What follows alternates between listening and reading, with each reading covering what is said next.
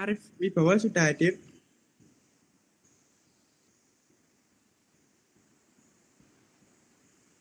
Ustadz Arif Wibowo.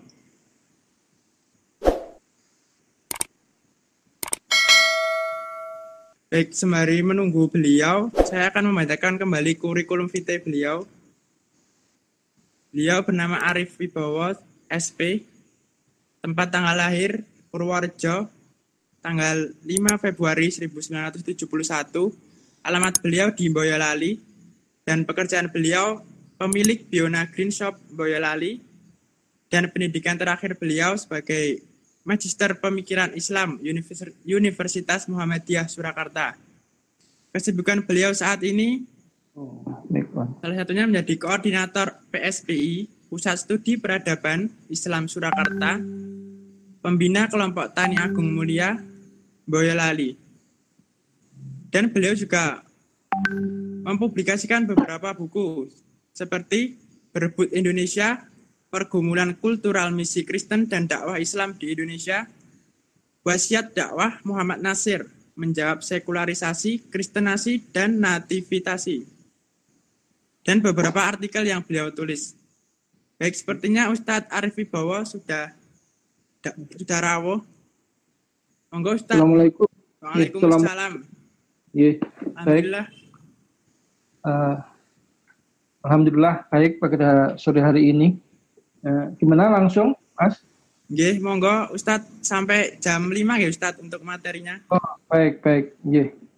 Uh, Bismillahirrahmanirrahim. Assalamualaikum warahmatullahi wabarakatuh. Alhamdulillahirabbil alamin wassalatu wassalamu ala asyrofil mursalin wa ala alihi wa ashabi ajmain amma ba'du. Uh, rekan-rekan yang dimuliakan Allah, alhamdulillah pada sore hari ini kita dapat bertemu untuk mengkaji sebetulnya tema yang diajukan ke saya itu puasa uh, para sahabat Rasulullah. Tapi saya bilang ke panitia saya kurang menguasai kalau tema itu. Itu nanti uh, para ustadz yang memang menekuni di bidang uh, keilmuan agama dan kepesantrenan mungkin akan lebih menguasai. Jadi saya kemudian mengajukan mengajukan, uh, mengajukan judul bagaimana kalau kita membahas puasa di Jawa menarik karena uh, uh, ada kekhasan keunikan ketika kita bicara dakwah Islam di Jawa dan sampai saat ini Jawa ini merupakan identitas etnis yang masih menjadi rebutan dari berbagai macam uh, agama ataupun ideologi yang ada. Jadi uh, misalkan kalau kita mendengar uh, kata Aceh. Ketika orang menyebut ada orang Aceh beragama Buddha, sampai sekarang telinga kita itu belum bisa menerima. Masuk sih ada orang Aceh kok beragama Buddha? Uh, orang Padang kok agamanya Hindu? Bahkan Sunda.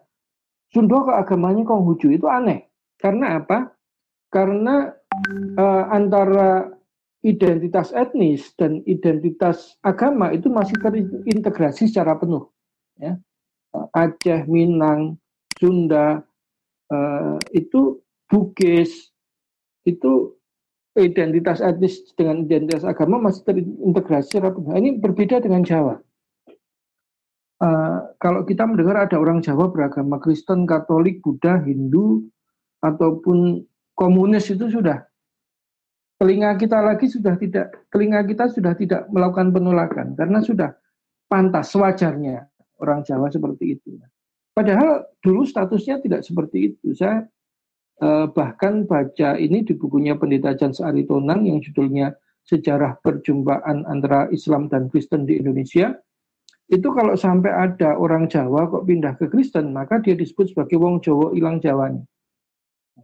Jawa wurung londo tanggung. Berarti pada saat itu itu identitas kejawaan dengan identitas keislaman ini nyambung jadi satu. Itu yang pertama, mengapa kok kemudian saya mengajukan judul, mengapa kita perlu untuk membahas puasa di Jawa ini. Uh, jadi kemudian yang kedua, ketika kita berbicara tentang budaya Jawa, eh, kebudayaan Jawa, uh, bahkan ini tidak hanya di kalangan orang-orang abangan, saya tanyakan juga kepada kalangan santri selalu jawab bahwa substansi kebudayaan Jawa adalah Hindu-Buddha. Nah, betulkah seperti itu? Jadi kalau kita dengar kata Jawa itu ingatnya Borobudur sama Prambanan, nggak ingat Islam. Nah, ini ini apakah betul seperti itu dulu? Ini, ini yang perlu kita bahas. Uh, kemudian yang uh, selanjutnya, para ulama di Jawa dulu ketika kemudian uh, berhasil mengislamkan tanah Jawa, jadi bagaimana kepulauan Jawa yang dulu penduduknya itu Pulau Jawa yang dulu penduduknya bukan Islam, ada Hindu, Buddha dan aneka kepercayaan lokal itu bisa kemudian secara 90 eh, persen masyarakatnya itu meskipun dengan beragam tingkat keaman eh, tingkat keislaman tetapi di kolom KTP mereka memilih agamanya adalah agama Islam. Ketika menikah mereka ingin dinakahkan secara Islam ketika meninggal mereka ingin dimakamkan secara Islam.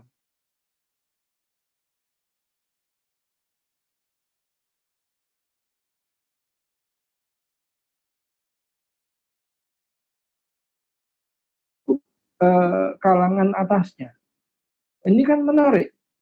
Jadi bukan top up, bukan bagaimana pemimpin memaksakan agama kepada rakyatnya, tapi rakyatnya dulu yang berhasil terislamkan, kemudian nanti merembet ke atas. Jadi proses islamisasi Jawa itu berjalan selama ratusan tahun, karena kalau kita membaca bukunya Buya Hamka yang berjudul Sejarah Umat Islam, itu pertemuan pertama antara Islam dengan Jawa itu terjadi pada masa pemerintahan Ratu Ratu Sima di Kerajaan Kalingga. Waktu itu utusan dari Khalifah Bani Umayyah. Nah, dutanya datang ke Kalingga, kemudian menetapkan Jawa sebagai daerah dakwah. Jadi tidak ada sejarah penaklukan militer dari kehalifan Islam di tanah Jawa. Jadi Islamnya Islam sukarela. Bagaimana keislaman yang sukarela itu mampu mengubah wajah. Nah, dengan seperti ini, para ulama kita dulu menempuh jalan yang evolutif di dalam menyampaikan Islam ke kepada masyarakat Jawa. Jadi Islam uh, di dakwah Islam di tanah Jawa ini kalau kita membaca uh, bukunya Kiai Agus Sunyoto Atlas Wali Songo, uh, Islam itu adalah tahapan takdir dari tahapan sejarah masyarakat Jawa. Jadi orang Jawa tidak perlu malu bahwa dulu pernah ada kerajaan Hindu Buddha di Indonesia, eh, di, di tanah Jawa. Tapi setelah itu memang eh, keharusan sejarah mengharuskan masyarakat Jawa itu masuk ke agama Islam. Nah nanti ada beberapa hal. Sehingga kita melihat proses Islamisasi tanah Jawa ini berjalan secara gradual. Uh, uh, ada uh, banyak cara yang dilakukan oleh para ulama kita di dalam mengislamkan tanah Jawa, baik melalui seni, uh, budaya, kemudian aneka macam literasi, islamisasi kisah wayang, dan sebagainya. Nah, uniknya nanti dari berbagai macam dakwah dan pengenalan Islam di tanah Jawa, ini puasa ini mendapatkan posisi yang istimewa di masyarakat Jawa. Jadi kebetulan saya kecil itu tinggal di daerah Abangan, ya uh, di daerah desa Purworejo sana. Jadi ketika saya kecil dulu itu uh, satu RT ya, satu RT itu dulu uh, dalam tanda kutip simpatisan PKI semua, simpatisan PKI semua. Jadi ketika pemilu yang nyoblos hanya tiga keluarga, yang sholat hanya tiga keluarga dan semuanya pendatang termasuk keluarga saya. Tetapi uniknya adalah uh, anak-anak orang abangan ini karena rumah saya itu untuk ngaji kalau habis maghrib mewajibkan semua anak kecilnya itu untuk uh, ngaji di tempat saya kalau habis maghrib.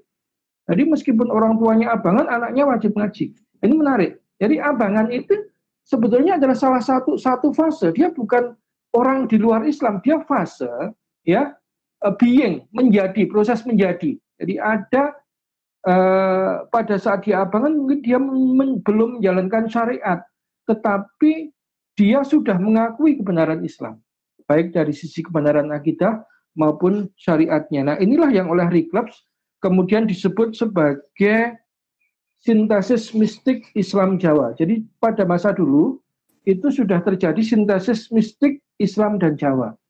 Ya, jadi orang Jawa itu sudah declare bahwa dirinya adalah Muslim.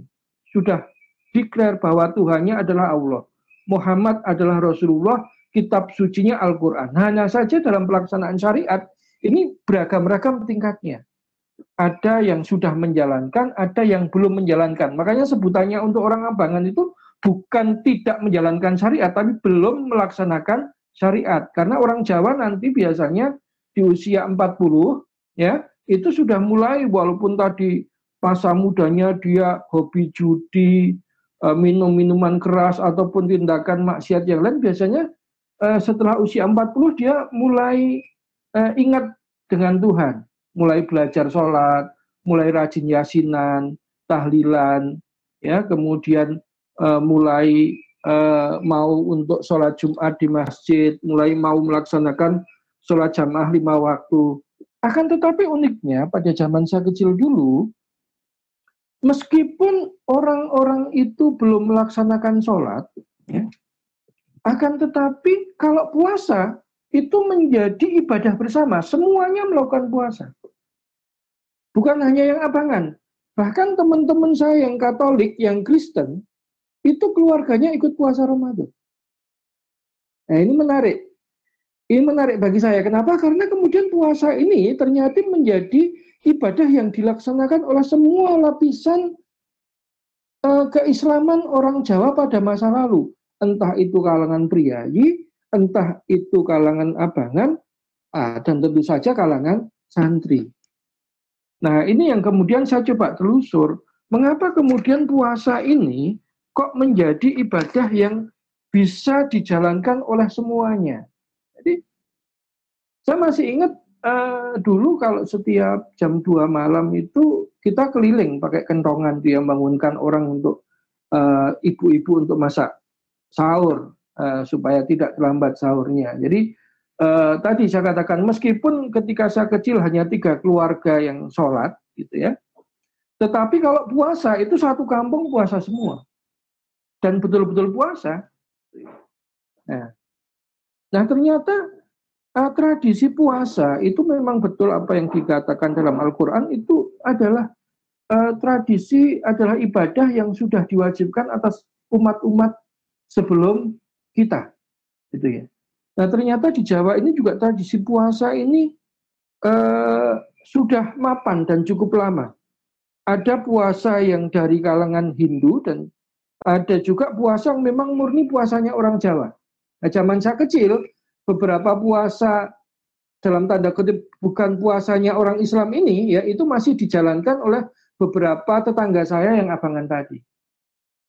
Nah, saya coba telusur uh, kembali di sini. Mengapa kemudian puasa ini menjadi sesuatu ibadah yang uh, lebih cepat diterima oleh masyarakat Jawa pada masa itu?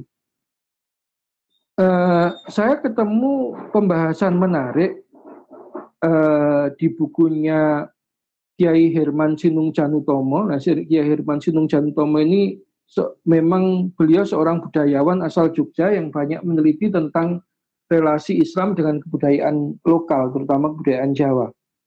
Uh, beliau menjelaskan bahwa manusia Jawa ini istilah Jawa dulu ya. Kita kan sudah sering mendengar istilah Jawa Dwipa itu dari kata-kata pulau beras atau pulau Juawut. Itu kan di pelajaran pelajaran salah seperti itu. Tapi itu kan sebutan yang diberikan oleh orang di luar Jawa ya para pelayar asing yang mampir ke Jawa menyebut Jawa sebagai pulau beras atau pulau Jawabut sehingga disebut sebagai Jawa Dwipa. Tetapi kalau bagi orang Jawa sendiri istilah Jawa itu bukan artinya beras. Kalau orang Jawa kita zaman saya kecil karena tradisi budaya Jawa masih masih lekat ya. Eh, Purworejo itu dekat dengan pusat keraton Jogja Mataram. Jadi tradisi budaya Jawanya masih cukup kuat. Itu yang dimaksud orang Jawa itu artinya orang yang sudah punya kedewasaan sikap. punya pengendalian diri yang baik. Jadi misalkan ada anak remaja kok ketika uh, pulang sekolah dia berkelahi dengan temannya hanya masalah sepele. Atau dia tidak punya unggah-ungguh yang baik kepada gurunya, tidak punya sopan santun terhadap orang tua, maka dia disebut oh bocah rong Jowo. Maksudnya bocah yang belum punya pengendalian diri yang baik, belum punya pemahaman hidup yang baik. Jadi istilah Jawa itu di situ sebetulnya. Jadi eh, tradisi mengendalikan diri, ya, tradisi mengendalikan diri menjadi dewasa, kalau dalam istilah Jawa empan papan itu memang tradisi kuno yang dimiliki oleh bangsa Jawa. Kiai Herman Sinung Jantomo membahas ini menyebut manusia Jawa itu sebagai manusia moho praloyo. Karena kenapa moho praloyo? Karena kita itu manusia yang hidup di ujung bencana. Ya, ada dua yang sering kita dengar kita hidup di uh, lempeng sesar eh, Euro, Euroasia ya. Uh, di mana uh, sering terjadi gempa bumi itu ya. Dan kalau gempa bumi besar itu nanti juga menghasilkan tsunami. Selain itu Pulau Jawa itu juga ada dalam lingkaran cincin api ya. Kita terbiasa dengan letusan gunung. Kalau kita melihat Gunung Merbabu bagaimana kawah yang ditimbulkan sebesar itu kita membayangkan bagaimana ledak eh, hebatnya letusan pada saat itu. Sehingga eh, Pulau Jawa ini hanya di apa dihuni oleh manusia-manusia pemberani. Ini eh, Ki Hermun Senang atau menyebut kenapa disebut sebagai Nuswa, Nuswantoro. Nuswantoro, Nus, Nusantara itu kan sering kita dengar sebagai Nusa Antara, ya kan? E, karena jalur perlintasan dari dua benua dan dua lautan. Tapi Nusantara dalam pandangan Kiai Herman Sinung Jantomo ini lain. Nuswa itu artinya pulau, onto, onto itu artinya para kesatria. Jadi makanya dalam bayang itu ada onto rejo, onto seno, ya. Baju untuk kesatria itu baju onto kusumo, ya. Kemudian ada lagi toro, toro itu pepadang. Jadi eh, manusia Jawa itu hanya dihuni oleh manusia-manusia pemberani. Eh, karena apa? Dia di ujung terdepan bencana. Berhadapan dengan letusan gunung berapi, berhadapan dengan gempa bumi, berhadapan dengan tsunami. Itu makanya manusia Jawa itu dalam banyak uh, kisah uh, dan bukan hanya kisah, buku-buku ilmiah itu kita adalah pelayar ulung sejak ribuan tahun sebelum Masehi. Orang Jawa itu sudah uh, mengenal Mesir sejak 1500 tahun sebelum Masehi. Ya ada bukunya. Nah, nah kebiasaan bertemu dengan bencana-bencana ini menyebabkan orang Jawa itu menjadi orang yang harus bersahabat dengan alam. Ya. Dia harus hidup menyelaraskan diri dengan alam. Makanya nanti sebetulnya kemudian munculnya mitos ada uh, Kiai Slamet di Gunung Merapi, dan Roro Kidul di Laut Selatan juga terkait hal ini.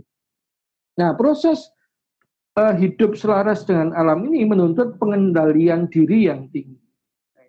Makanya kemudian tradisi berpuasa ini merupakan tradisi yang sudah lekat dengan masyarakat Jawa sejak dulu. Mengapa saya bisa bisa katakan uh, sejak dulu? Karena kalau saya bandingkan misalkan tradisi berpuasa dalam Hindu itu saya mencoba mencari ada uh, dua macam yang saya temukan. Yang pertama itu puasa siwaratri, ya. Puasa siwaratri itu sama dengan orang Islam, tidak boleh makan minum dari matahari, uh, tapi bukan dari fajar, dari matahari terbit sampai matahari terbenam. Kemudian ada puasa nyepi, ya. Uh, ini ngebleng kalau dalam bahasa Jawa tidak makan minum, tidak menyalakan api dari fajar hingga keesokan harinya. Jadi fajar sampai fajar lagi. Nah, ternyata kalau di orang Jawa itu puasanya macam-macam. Saya hitung tadi ada 17 macam puasa. Ada puasa mutih, ngeruh, ngebleng, pati, gening, lowong, ngerowot, nganyep, ngitang, ngepel, ngasrep, wungon, topo bisu, topo lelono, kungkum, ngalong, luang. Macam-macam. Jadi uh, jenis puasanya itu macam-macam. Dan pada saya pada saat saya kecil itu beberapa puasanya orang Jawa ini masih saya temui. Yang banyak saya temui itu puasa mutih, ya, puasa ngerowot, ya, kemudian topong bisu dan topong luang. Topong luang itu orang masuk kayak dikubur dalam uh, uh, apa? dalam lubang besar dan dia bertapa di situ beberapa hari. Kalau uh, posong ngerowot itu hanya boleh makan buah-buahan saja. Ada lagi poso polo kependem, dia tidak boleh makan nasi. Dia hanya makan uh, umbi-umbian, ya. Ada boleh ada ganyong, ada erut, ada ubi jalar, ada telo dan sebagainya. Ada lagi poso mutih. Poso mutih itu dia hanya boleh makan nasi saja. Bahkan dikasih garam juga tidak boleh. Hanya boleh nasi dan air. Jadi puasa itu sudah macam-macam dan itu bertahan cukup lama di masyarakat Jawa Abangan itu masih mas, beberapa masih bertahan. Nah, itulah sebabnya kemudian ketika uh, Islam masuk dan dipeluk oleh orang Jawa dalam jumlah banyak, mereka sudah tidak asing lagi dengan tradisi berpuasa ini. Jadi kalau puasa dalam tradisi masyarakat, kalau di Islam kan namanya saum ya, siam ya. Kalau dalam uh, tradisi masyarakat sebelum Islam itu namanya upawoso. Upawoso, upo itu artinya mendekat, woso itu yang maha kuasa, sang yang widiwasa. Jadi uh, Tuhan yang maha kuasa. Jadi uh, sarana tujuan berpuasanya orang Jawa itu adalah sarana untuk mendekat kepada yang maha kuasa. Nah ini nanti di kalangan para Brahmana saya pernah tanya kepada teman saya yang mendalami serat-serat Jawa, itu ada tradisi upawoso ini diwujudkan dengan bagaimana cara mendekatkan diri pada Tuhan dengan mempelajari kitab Veda, uh, saking asiknya ya sampai dia lupa makan dan minum. Sehingga ketika kemudian uh, orang Jawa masuk ke agama Islam, ya orang Jawa masuk ke agama Islam dia ketemu dengan syariat puasa mereka sudah tidak asing lagi. Nah, apalagi kemudian ada kemiripan. Tradisi puasa itu tidak makan dan minum diiringi juga tradisi membaca kitab. Ya tradisi orang biasa tadarusan ya kemudian kalau di pesantren semaan kitab apa itu sudah bukan sesuatu yang aneh. Hanya beda saja gitu loh beda beda. Kalau dulu itu tradisinya orang Hindu sekarang orang Islam. Kalau tradisi baca kitab itu dulu di kalangan orang Hindu hanya untuk kalangan Brahmana saja. Karena orang orang awam itu kalau di, di Hindu tidak boleh uh, ini tidak boleh membaca kitab Veda. Kitab Veda hanya untuk kalangan Brahmana. Nah, sementara kalau di Islam kan tidak. Jadi uh, tradisi puasa ini ini kemudian beralih kepada tradisi puasa dalam Islam. Ya. Nah, kemudian eh, para raja dan para ulama eh, di Jawa ini kemudian misalkan pada awal-awal itu masih menggunakan istilah anu istilah topo untuk menyebut puasa gitu ya istilah topo untuk menyebut puasa. Ini sudah saya, saya uh, cantumkan di ini di uh, PowerPoint yang saya anukan, saya saya sampaikan. Ya. Nah, dari sini kemudian puas uh, dari topo ke puasa ini ada istilah baru, ada istilah spesifik yang kemudian dilekatkan pada tradisi puasa ini di kalangan orang oleh orang uh, orang Jawa kepada oleh para ulama yaitu puasa itu ada dua unsur cegah dahar dan cegah sari ya. Jadi artinya tidak makan minum sejak fajar sampai maghrib tapi juga ada cegah sari. Ya orang yang berpuasa itu kalau dalam tradisi Jawa ketika dia sudah masuk Islam itu juga harus menyedikitkan tidur ya. Menyedikitkan tidur. Cegah sari itu juga bermakna cegah guling. Bagi suami istri itu juga untuk dianjurkan untuk menyedikitkan mohon maaf hubungan suami istri ketika di bulan puasa. Karena untuk tradisi tirakatan tradisi membaca Quran kalau misalkan yang disebutkan oleh Sinuwun Pakubuwono IX dalam tembang sinom itu utama utamane nglakonono salat tasbih saben bengi lan tasjub praliga lir jeng losur anglakoni sebab yang tengah wengi sarwa sepi rasanipun tentrem mung sedya salat. Jadi itu bagaimana kemudian eh, dianjurkan untuk memperbanyak sholat malam ketika puasa ini. Jadi bagaimana kemudian uh, ini menariknya. Jadi tadi para ulama Jawa ya ketika berdakwah di Jawa dia merasa tidak perlu mengubah atau membuang semua tradisi Jawa yang ada sebelumnya. Itu ya. Tetapi cukup diislamkan maknanya. Oleh karena itu para ulama memilih kata puasa itu dipertahankan untuk menyebut ibadah saum. Gitu ya. Supaya apa? Islam itu tidak dianggap sebagai barang asing. Karena puasa itu sebelum Islam pun sudah ada di tanah Jawa. Tidak hanya itu, saya bahkan pernah berkunjung ke sebuah pesantren dan bertanya kepada Pak Kiai, bagaimana misalkan fenomena puasa mutih yang masih banyak uh, terjadi di masyarakat. Beliau tidak menyebut itu bukan bid'ah, itu adalah metode yang dilakukan para ulama untuk melatih supaya orang Jawa itu tidak kemronggo, ya, e, tidak haus akan dunia. Jadi lidahnya itu terlatih untuk merasakan yang tawar, ya, baik tawar dalam hidup, tawar dalam makanan. Jadi tidak menuruti selera, tidak tunduk pada selera lidah. Nah, kita lihat sekarang ini ketika orang tidak terbiasa dengan tradisi itu, kita begitu tunduk pada selera lidah ke mana-mana hobi kuliner. Udah kalau pergi itu isinya mesti wisata kuliner. Tidak memperdulikan apakah uh, kita sudah obesitas apa belum, itu kan? Apakah kita itu sebetulnya dilarang makan kolesterol atau tidak? Tapi penentu utama sesuatu kita makan atau tidak itu lidah kita cocok apa enggak. Bukan apakah tubuh kita menerima atau tidak. Nah itu sebetulnya oleh para ulama dulu dilatih. Puasa mutih ini di beberapa pesantren uh, tasawuf tetap dipertahankan fungsinya untuk itu. Itu ya, supaya orang tidak terlatih diperbudak oleh lidahnya. Nah, makanya kalau misalkan dalam ater-aternya orang Jawa itu sampai orang Jawa ini kan identik dengan simbol ya. Uh, ketika menikah uh, ada janur di Kapuro ya, itu diartikan janur, datangnya cahaya, ya kan?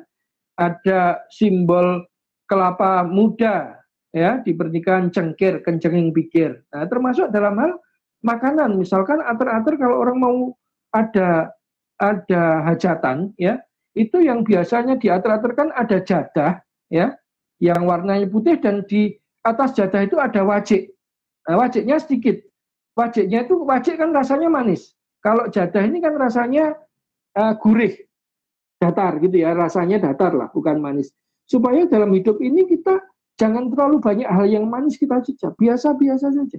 Karena kebahagiaan, eh, kesedihan itu datang silih berganti. Jadi ojo ada istilah ojo ngumbunan, ojo kagetan. Nah, itu istilahnya orang Jawa tadi. Jadi itu dimensi uh, puasa bagi orang Jawa. Nah, Ustaz. Ya. Yeah?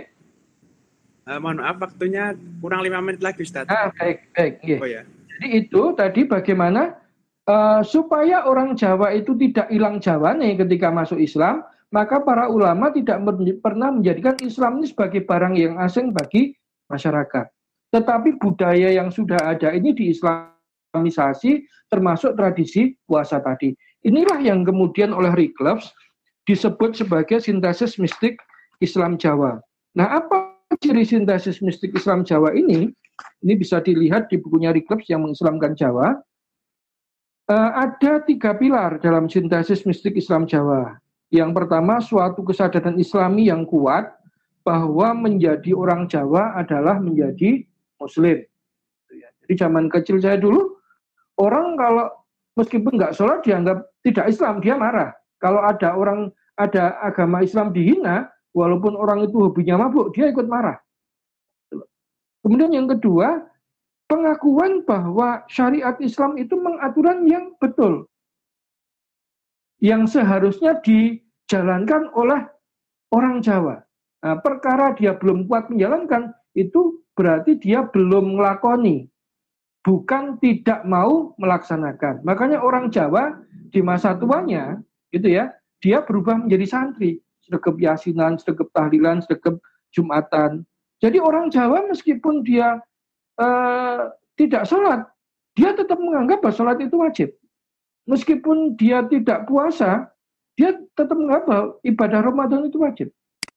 Dan puncak dari keislaman orang Jawa itu adalah ketika dia bisa menunaikan ibadah haji ke Mekah.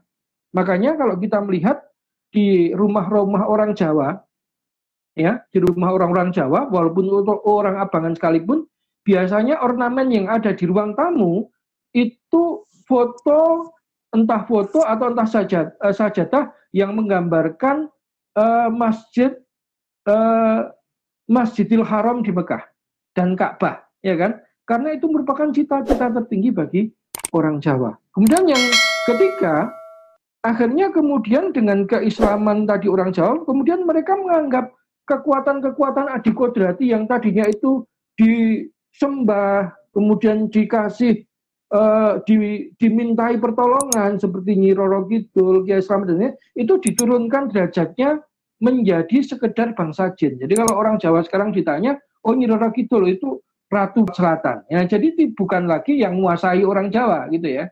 Uh, demikian juga Kiai Slamet, oh kuisik nunggu Gunung Merapi. Jadi sudah bukan lagi penguasa yang disembah. Jadi itu uh, bagaimana uh, Islam di Jawa ini oleh para ulama diperkenalkan sedemikian halus uh, sehingga orang Jawa ini akhirnya dengan sukarela masuk ke agama Islam tanpa paksaan, tanpa penaklukan bersenjata dan sebagainya. Mungkin itu dulu Mas. Terima kasih.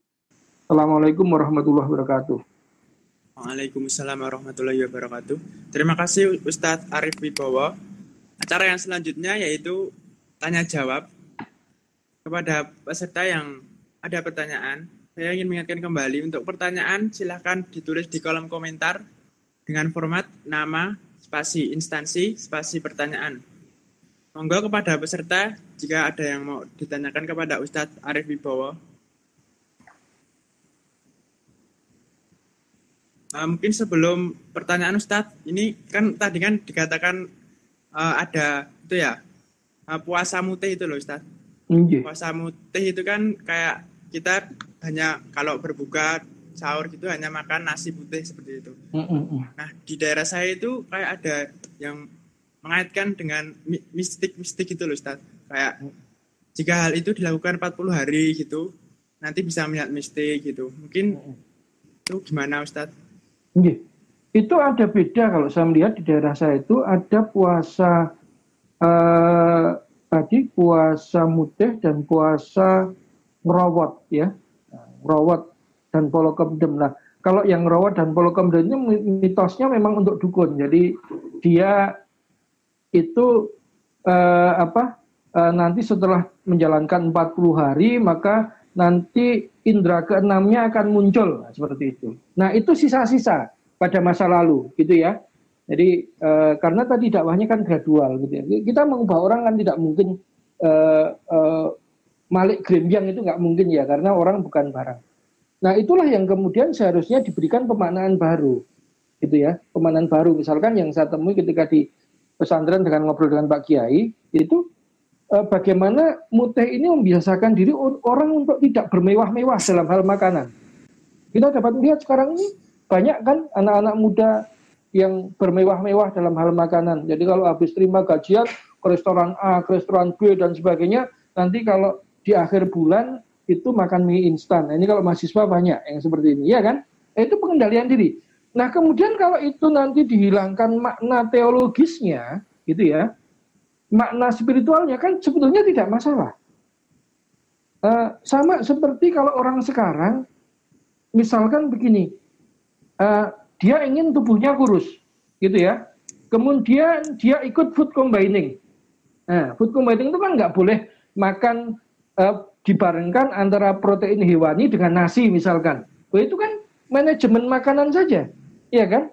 Nah, muteh itu kemudian dijadikan sebagai bagaimana memanage makanan supaya orang itu tidak terlalu rakus akan kelezatan makanan yang ada di sekitar kita. Jadi makna makna teologisnya itu dihilangkan, tapi tradisi kulitnya tetap dipertahankan dan nanti mungkin bisa dimodifikasi. Seperti misalkan begini, Indonesia ini kan jadi importir beras. Kebetulan saya alumni pertanian UNS ya, lulus tahun 95. Eh, jadi sejak tahun 90 itu sebetulnya Indonesia sudah importir beras, sudah jadi importir beras. Jadi bukan hanya sekarang. Cuma dari tahun ke tahun itu jumlah impornya banyak, gitu ya. Nah, padahal dulu uh, orang Indonesia ini, ini kan sumber karbohidratnya banyak. Ada jagung, ada sagu. Oh sekarang semuanya beras. Orang Kalimantan yang kerja makan sagu juga makan beras. Nah ini kan misalkan dulu Pemkot Depok itu pernah mengumumkan mengungkapkan satu program One Day No Rice ya. Bagaimana kita hidup satu hari tanpa nasi. Entah itu kita pakai sagu, entah itu kita pakai ubi kan sebenarnya hanya seperti itu. Nah sama seperti tadi, bagaimana dalam satu hari kita itu tidak usah makan lauk yang enak-enak, tidak usah pakai sayur, makan hanya nasi putih saja supaya kita kita tidak diperbudak oleh lidah, lidah kita. Karena perbudakan oleh lidah ini dampaknya juga besar, Mas. Banyak teman saya yang uh, sekarang saya 49 tahun, jadi usia 49 tahun ini sudah banyak teman saya yang akhirnya meninggal. Kebanyakan karena obesitas, akhirnya stroke dan sebagainya.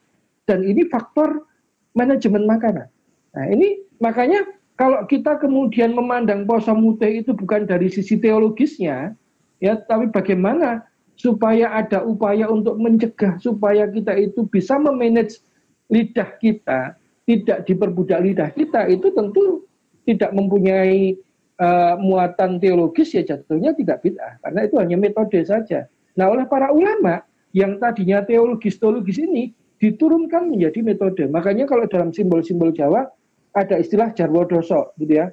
Simbol cengkir itu diartikan sebagai kencengeng pikir, janur, janur. Ada lagi banyak yang jadi diterjemahkan pada makna fungsionalnya, bukan makna teologisnya. Itu islamisasi sehingga dia tidak bertabrakan dengan sistem keyakinan Islam. Terima kasih Tat. Ini udah ada pertanyaan yang masuk dari hmm. Fatima UNS. Maaf, tadi saya telat, mungkin sudah dijelaskan. Yang ingin saya tanyakan bahwasanya sebelum Islam datang telah ada budaya berpuasa di tanah Jawa. Apakah setelah Islam datang ada perbedaan signifikan perilaku masyarakat Jawa setelah puasa Islam datang? Tat Sukron. Monggo ya. Tat langsung dijawab. Oh iya, ada perbedaan yang signifikan. Karena uh, apa? Bentar ya, jadikan saya siapkan jawabannya. Jadi uh,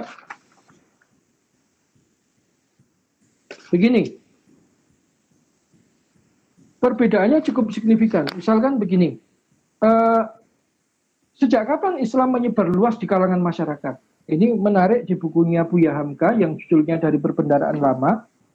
Islam menyebar luas di masyarakat itu kan uh, setelah Majapahit menaklukkan uh, Pasai ya Pasai itu kerajaan Islam di tanah Aceh sana nah ulama-ulama Pasai ini dikenal cerdas karena Pasai sudah takluk ke Majapahit para ulama-ulama Pasai ini justru akhirnya bisa berkunjung ke tanah Jawa dengan bebas nah ketika kemudian uh, ke tanah Jawa dengan bebas pada saat itu Hindu di Jawa sedang mengalami proses kejatuhan moralnya jadi misalkan Hindu yang berkembang itu adalah Buddha Siwa Bhairawa Tantra. Nah, Buddha Siwa Bhairawa Tantra ini mempunyai ritus yang cukup mengerikan. Upacara Molimo, ya. Molimo itu meliputi matsio, memakan ikan gembung beracun, manuyo, makan daging, makan daging dan minum darah gadis yang dijadikan kurban, matyo, ya, ritual meminum minuman keras hingga mabuk, mutro, ritual tari sampai ekstase, maituno, persetubuhan massal di tanah lapang yang bernama Sitra. Itu kondisinya seperti itu. Tidak hanya itu, dalam tradisi kematian misalkan, itu kalau orang mati, bangsawan mati, dia dibakar dalam upacara ngaben. Tapi tidak hanya itu. Ada upacara sati. Jadi kalau laki-laki meninggal, suami meninggal, maka istrinya harus ikut dibakar bersama mayat suaminya hidup-hidup sebagai wujud kesetiaannya. Uh, upacara sati terbesar itu terjadi di Belambangan pada masa kerajaan uh, pada masa Raja Tawang Alun karena dia seorang raja maka ikut dibakar bersama jenazah Tawang Alun itu ke 275 istrinya Bisa dibayangkan situasi keagamaan pada saat itu. Nah, oleh karena itu ketika kemudian para ulama masuk menjelaskan tentang bagaimana cara Islam merawat jenazah, mereka tertarik ini yang paling masuk akal. Dari manusia itu diciptakan tanah, kembali ke tanah, sebelum ke tanah dia disucikan dulu, kemudian didoakan dulu, diberi kafan yang baik, dan itu dikuburkan kembali ke tanah. Nah itu menarik hati. Makanya kemudian ritus kematian itu menjadi ritus yang dimiliki bersama baik oleh priayi, abangan maupun santri. Kesemuanya melakukan ritus tadi. Ada tujuh hari, empat puluh hari, seratus hari, seribu hari, dan sebagainya.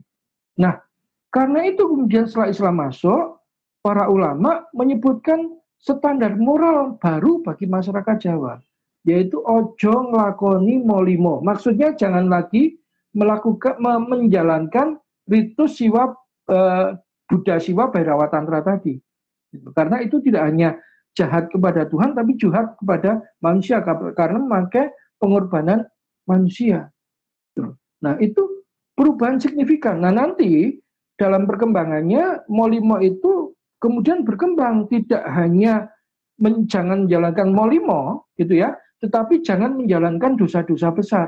Makanya Molimo itu diartikan ojo madon, jangan berzina, ojo maling, jangan mencuri, ya, ojo minum, jangan mabuk minuman keras, ya, ojo madat, uh, sama satunya lagi apa saya lupa. Jadi itu, itu itu perubahan signifikan moralitas yang ada di masyarakat. Nah kemudian tradisi yang biasa tadi uh, topo uh, ngebleng melek-lekan itu dari lek-lekan ya.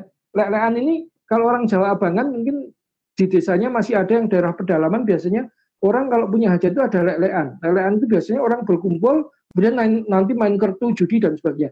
Dari lek-lekan berubah jadi tirakatan. Jadi ada proses perubahan yang cukup signifikan uh, semenjak dari keislaman uh, dari sebelum Islam kepada Islam dan termasuk nanti puasa juga berubah generasi muda Islam Jawa yang sekarang itu nyaris sudah tidak mengenal lagi puasa ngerawat, puasa mutih, dan sebagainya. Kenalnya ya hanya puasa Ramadan dan puasa-puasa sunnah. Nah ini yang saya, eh, saya sebutkan tadi, dakwah itu berjalan gradual, tetapi karta, eh, ini menarik, ada disertasinya Andre Moller. Eh, ini seorang Swiss yang mengambil eh, mata kuliah bahasa eh, doktoral tentang bahasa Indonesia di UNJ Jogja dia membuat disertasi dengan judul Ramadan di Jawa. Ini dia kata Andre Muller yang terjadi di Jawa itulah ortopraks Islam. Jadi orang Jawa itu secara perlahan tetapi pasti dia makin lama makin dekat kepada Islam. Jadi seperti itu Mas. Masih. Terima kasih Ustadz. Ini ada pertanyaan masuk lagi dari Aksan dari WNS. Ustadz, saya ingin bertanya berkaitan dengan status panjenengan soal pudarnya mistisme Islam Jawa. Saya hmm. sempat membaca catatan dari Raffles mengenai padri. Sebenarnya polanya sama, yaitu kaum adat yang masih suka maksiat, yaitu sabung ayam. Namun masih hmm. mengaku uh, orang Islam. Sampai puncaknya, kaum padri melawan Sultan Arifin, Muning Syah, atau Rajo Alam di Pagaruyung, yang juga Islam. Kira-kira apa yang membuat Jawa tidak mengalami alur seperti itu ya Ustadz? Meski Kesultanan Jawa juga beradat layaknya Pagaruyung. Iya. Jadi begini, uh, ada perbedaan karakter ya antara uh, manusia sawah ya dengan manusia ladang. Orang Jawa ini kan kulturnya kultur sawah, apalagi kerajaan pedalaman. Kalau kultur pesisir kan lebih terbuka. Kultur pedalaman ini kan uh, kulturnya sawah, pakai keris saja di belakang. Kenapa? Karena masyarakat berkultur sawah itu sangat menekankan harmoni dalam hidup, ya harmoni. Jadi kenapa? Sawah ini kan tidak bisa dikelola sendirian. Dia harus dikelola kolektif karena dia kebutuhan airnya tinggi. Makanya kalau orang Jawa itu kalau zaman saya kecil dulu ada giliran air di sawah saya itu digilir hari ini ngalir airnya dialirkan sawahnya siapa hari berikutnya. Kalau orangnya tidak rukun, rebutan air bisa bacok-bacokan. Itu fenomena yang sering saya jumpai. Makanya masyarakat sawah ini itu masyarakat yang berkultur harmoni. Jadi kalau kemudian kita masuk berdakwah ke masyarakat Jawa, kita sampai menabrak batas harmoni ini, ya itu suara kita nggak bakalan didengar. Begitu datang sudah ditolak duluan. Itu makanya para ulama dulu ketika berdakwah dia mencari celah-celah Islamisasi di antara kultur harmoni ini. Nah ini beda dengan masyarakat peladang. Masyarakat peladang itu masyarakat yang desanya saja beda. Kalau desa Jawa itu kan uh, sawahnya di seputar kampung, nanti desanya di tengah ngelumpuk, ya kan? Ngumpul mangan-ramangan asal ngumpul. Gitu. Kalau orang peladang kan tidak seperti itu. Ke mana-mana kalau orang Sumatera itu dulu kalau kita masih hutan ya bawa uh, golok itu ya di depan karena dia tidak ketemu orang, ketemunya macan, ketemunya beruang, ketemunya uh, babi hutan dan sebagainya, ya kan? Kalau ngomong pun beda antara satu dengan jalan. Kalau orang ngomong itu kan orang Sumatera kalau ngomong kan tegas dan keras. Kalau orang Jawa kan lemah lembut. Saya punya punya kepunaan dari mana dari Sumatera Barat itu ketika dia uh, kuliah di IPB, teman-temannya kebanyakan orang Jogja, ketika dia ngomong itu selalu dibilangin kamu itu ngomong apa marah-marah. Akhirnya dia belajar kultur Jawa berbahasa yang halus dan dia dia bisa. Gantian ketika dia pulang ke Padang ketemu ibunya dimarahin ketik. Kamu itu cowok ngomong lembek kayak cewek gitu. Eh, ini perbedaan kultur ya. Makanya kalau di Jawa orang itu tidak gampang memberontak. Ya, misalkan pernah ada Trunojoyo itu juga dari Madura. Gitu kan?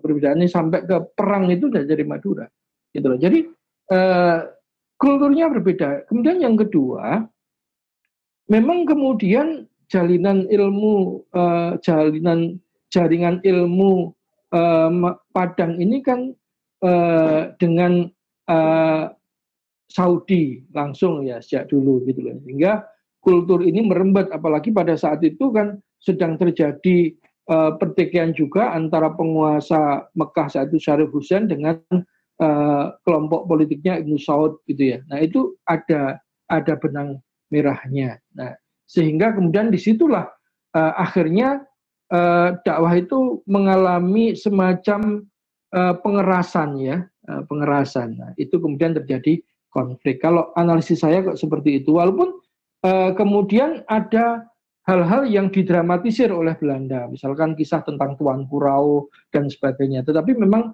hal itu terjadi karena kultur orangnya berbeda. Baik, monggo silahkan. Baik, terima kasih Ustadz. Nah, ini belum ada pertanyaan yang masuk lagi.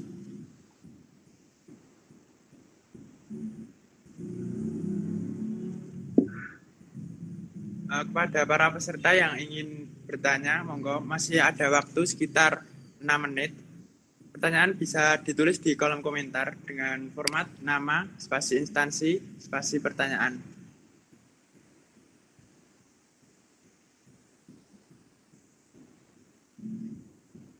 Ya Ustadz, terkait tadi penyebaran Islam, Islamisasi di Jawa ya Ustadz, kan salah satunya itu juga uh, peran dari Wali Songo seperti Ustadz. Nah, kalau saya pernah membaca uh, suatu buku gitu Ustadz, uh, ternyata Wali Songo itu dibawa juga uh, di dibawa uh, oleh ke kekhalifahan dari Utsmani gitu. Apakah itu benar Ustaz? Hubungan antara Jawa dengan Utsmani ada, tapi bukan berarti Islamisasi di tanah Jawa itu bergantung dengan Utsmani, ya. Karena eh, dakwah di tanah Jawa itu sudah berlangsung lama jauh sebelum kekhalifahan Utsmani ada. Nah, ini yang yang yang harus di. Nah, ini orang kadang-kadang teman-teman itu melakukan glorifikasi ya karena sekarang ini banyak kampanye tentang khilafah perlunya khilafah akhirnya semua sejarah dihubungkan dengan khilafah seolah-olah kalau tidak ada khilafah kita itu nggak ada apa-apanya. Lah padahal dulu ketika kita dijajah itu khilafahnya kan masih makrong-makrong. Oh kita dijajah Belanda berapa tahun? Nanti 350 tahun. Abad ke-17, 18, 19 kan khilafahnya masih ada ada pernah bantuan sampai Pati Yunus itu bantuan yang signifikan, gitu kan? Tapi setelah itu kan tidak ada juga.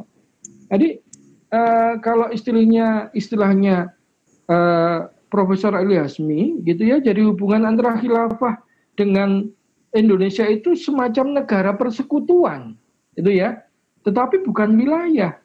Gitu ya. Tapi kalau terkait dakwah jauh sebelum uh, apa? Sebelum khilafah Utsmaniyah ada, dakwah di Indonesia sudah berjalan. Kalau kita bicara dalam bukunya bukunya Buya Hamka misalkan ya, sejarah uh, umat Islam. Ini buku buku magnum opusnya Buya Hamka karena di samping tafsir Al Azhar. Karena ini buku ini disusun selama 22 tahun bahan-bahannya dikumpul selama dikumpulkan selama 20 tahun. Kata Buya Hamka, uh, signifikansi Islamisasi kekuasaan di Indonesia itu dimulai ketika kemudian kekhalifahan Abbasiyah runtuh. Nah, ketika kekhalifahan Abbasiyah runtuh, itu kan kemudian yang bersinar terang itu dinasti Mamluk di Mesir. Nah, kemudian dinasti Mamluk di Mesir ini mengubah arah perairannya di mana kemudian pelabuhan-pelabuhan di Indonesia itu menjadi salah satu jalur utama perdagangan untuk ke Cina. Nah, dari sinilah nanti kemudian kita dapat melihat nama-nama sultan di Aceh ya, itu sama dengan nama-nama sultan di dinasti Mamluk. Ini bisa dicocokkan. Ini menunjukkan hubungan yang sangat erat antara Aceh dengan dinasti Mamluk dan itu terjadi pada abad ke-12. Ya, jauh sebelum Utsmaniyah menjadi khilafah, jauh sebelum Utsmaniyah ada gitu loh, ya masih menjadi bangsa Turki Seljuk pada saat itu. Jadi, nah proses itu sudah intensif. Bangsa Aceh sudah Islam pada saat itu, nah, gitu. Dan itu kemudian menyebar terus sampai ke pesisir-pesisir di tanah air. Jangan dilupakan juga peran orang-orang Cina, ya. Nah, jadi orang-orang kita yang tinggal di Jawa dulu dari Kanton itu hampir semuanya Muslim. Itu ya, semuanya muslim. Makanya ada legenda Cheng Ho dan sebagainya. Jadi dulu ketika kita menjadi orang Tionghoa di Majapahit berarti dia muslim. Nah, ini seharusnya jadi bahan pertanyaan. Kenapa kemudian kalau sekarang kita ketemu orang Tionghoa biasanya bukan Islam? Nah, kita harus belajar dulu sejarah panjang dakwah Islam di tanah Jawa dan termasuk sampai sejarah panjang dakwah Islam ke eh, Cina. Karena kalau kita melihat jalur utama perdagangan dunia pada saat itu pada abad 5 sampai 10 itu termasuk di kalau di laut antara uh, Persia, Arab ke Cina itu melalui pelabuhan-pelabuhan di Indonesia, gitu ya. Maka ketika saat bin Abi Waqqas diutus oleh Rasulullah berdakwah ke Cina, ya bisa dipastikan dia singgah di pelabuhan-pelabuhan yang ada di Indonesia.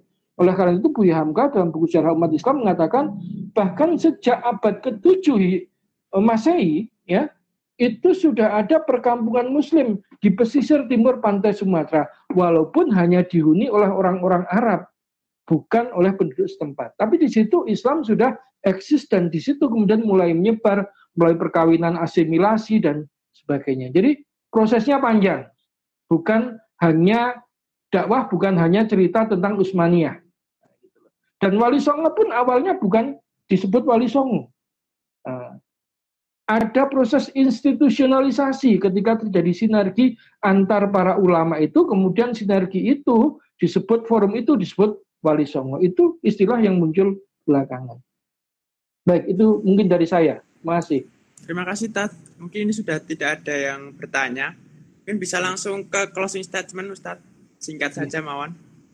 Monggo. Baik, uh, jadi uh, dakwah di tanah Jawa itu unik. Sekarang Jawa diperburukan oleh banyak masih banyak agama gitu ya sehingga tugas kita adalah menggali kembali sejarah Islamisasi Jawa sehingga generasi muda kita itu tidak kepaten obor ya bahwa kita punya ulama-ulama pendakwah yang luar biasa banyak. Sudah saatnya kita lebih mengenal Sunan Kalijogo, Sunan Bonang, Sunan Giri, kemudian ada uh, Kiai Haji Ahmad Dahlan, Pak A.R. Fahrudin, dan sebagainya dibandingkan mohon maaf nama-nama besar seperti Hasan Albana, Said Kutub, Taqiyuddin Anabani dan sebagainya. Mereka tetap sah untuk kita kenal. Tapi kalau sampai mengenal tokoh-tokoh dari Mesir, dari Yordania, dari adab Arab, tapi tidak mengenal tokoh-tokoh dakwah dari tanah Jawa sendiri, itu tentu sebuah anomali. Jadi tugas kita sekarang untuk menggali kembali, membaca kembali, meneliti kembali sejarah tanah Islam di tanah Jawa. Baik, itu saja Mas. Terima kasih. Assalamualaikum warahmatullahi wabarakatuh. Waalaikumsalam warahmatullahi wabarakatuh. Jazakallah khair Ustadz Arif Wibowo. Semoga ilmu yang diberikan pada sore hari ini bermanfaat bagi saya dan teman-teman semua tentunya. Uh, sebelum kita tutup kajian sore pada hari ini, marilah kita membaca hamdalah dan doa kafaratul majelis bersama. Alhamdulillahirabbil alamin.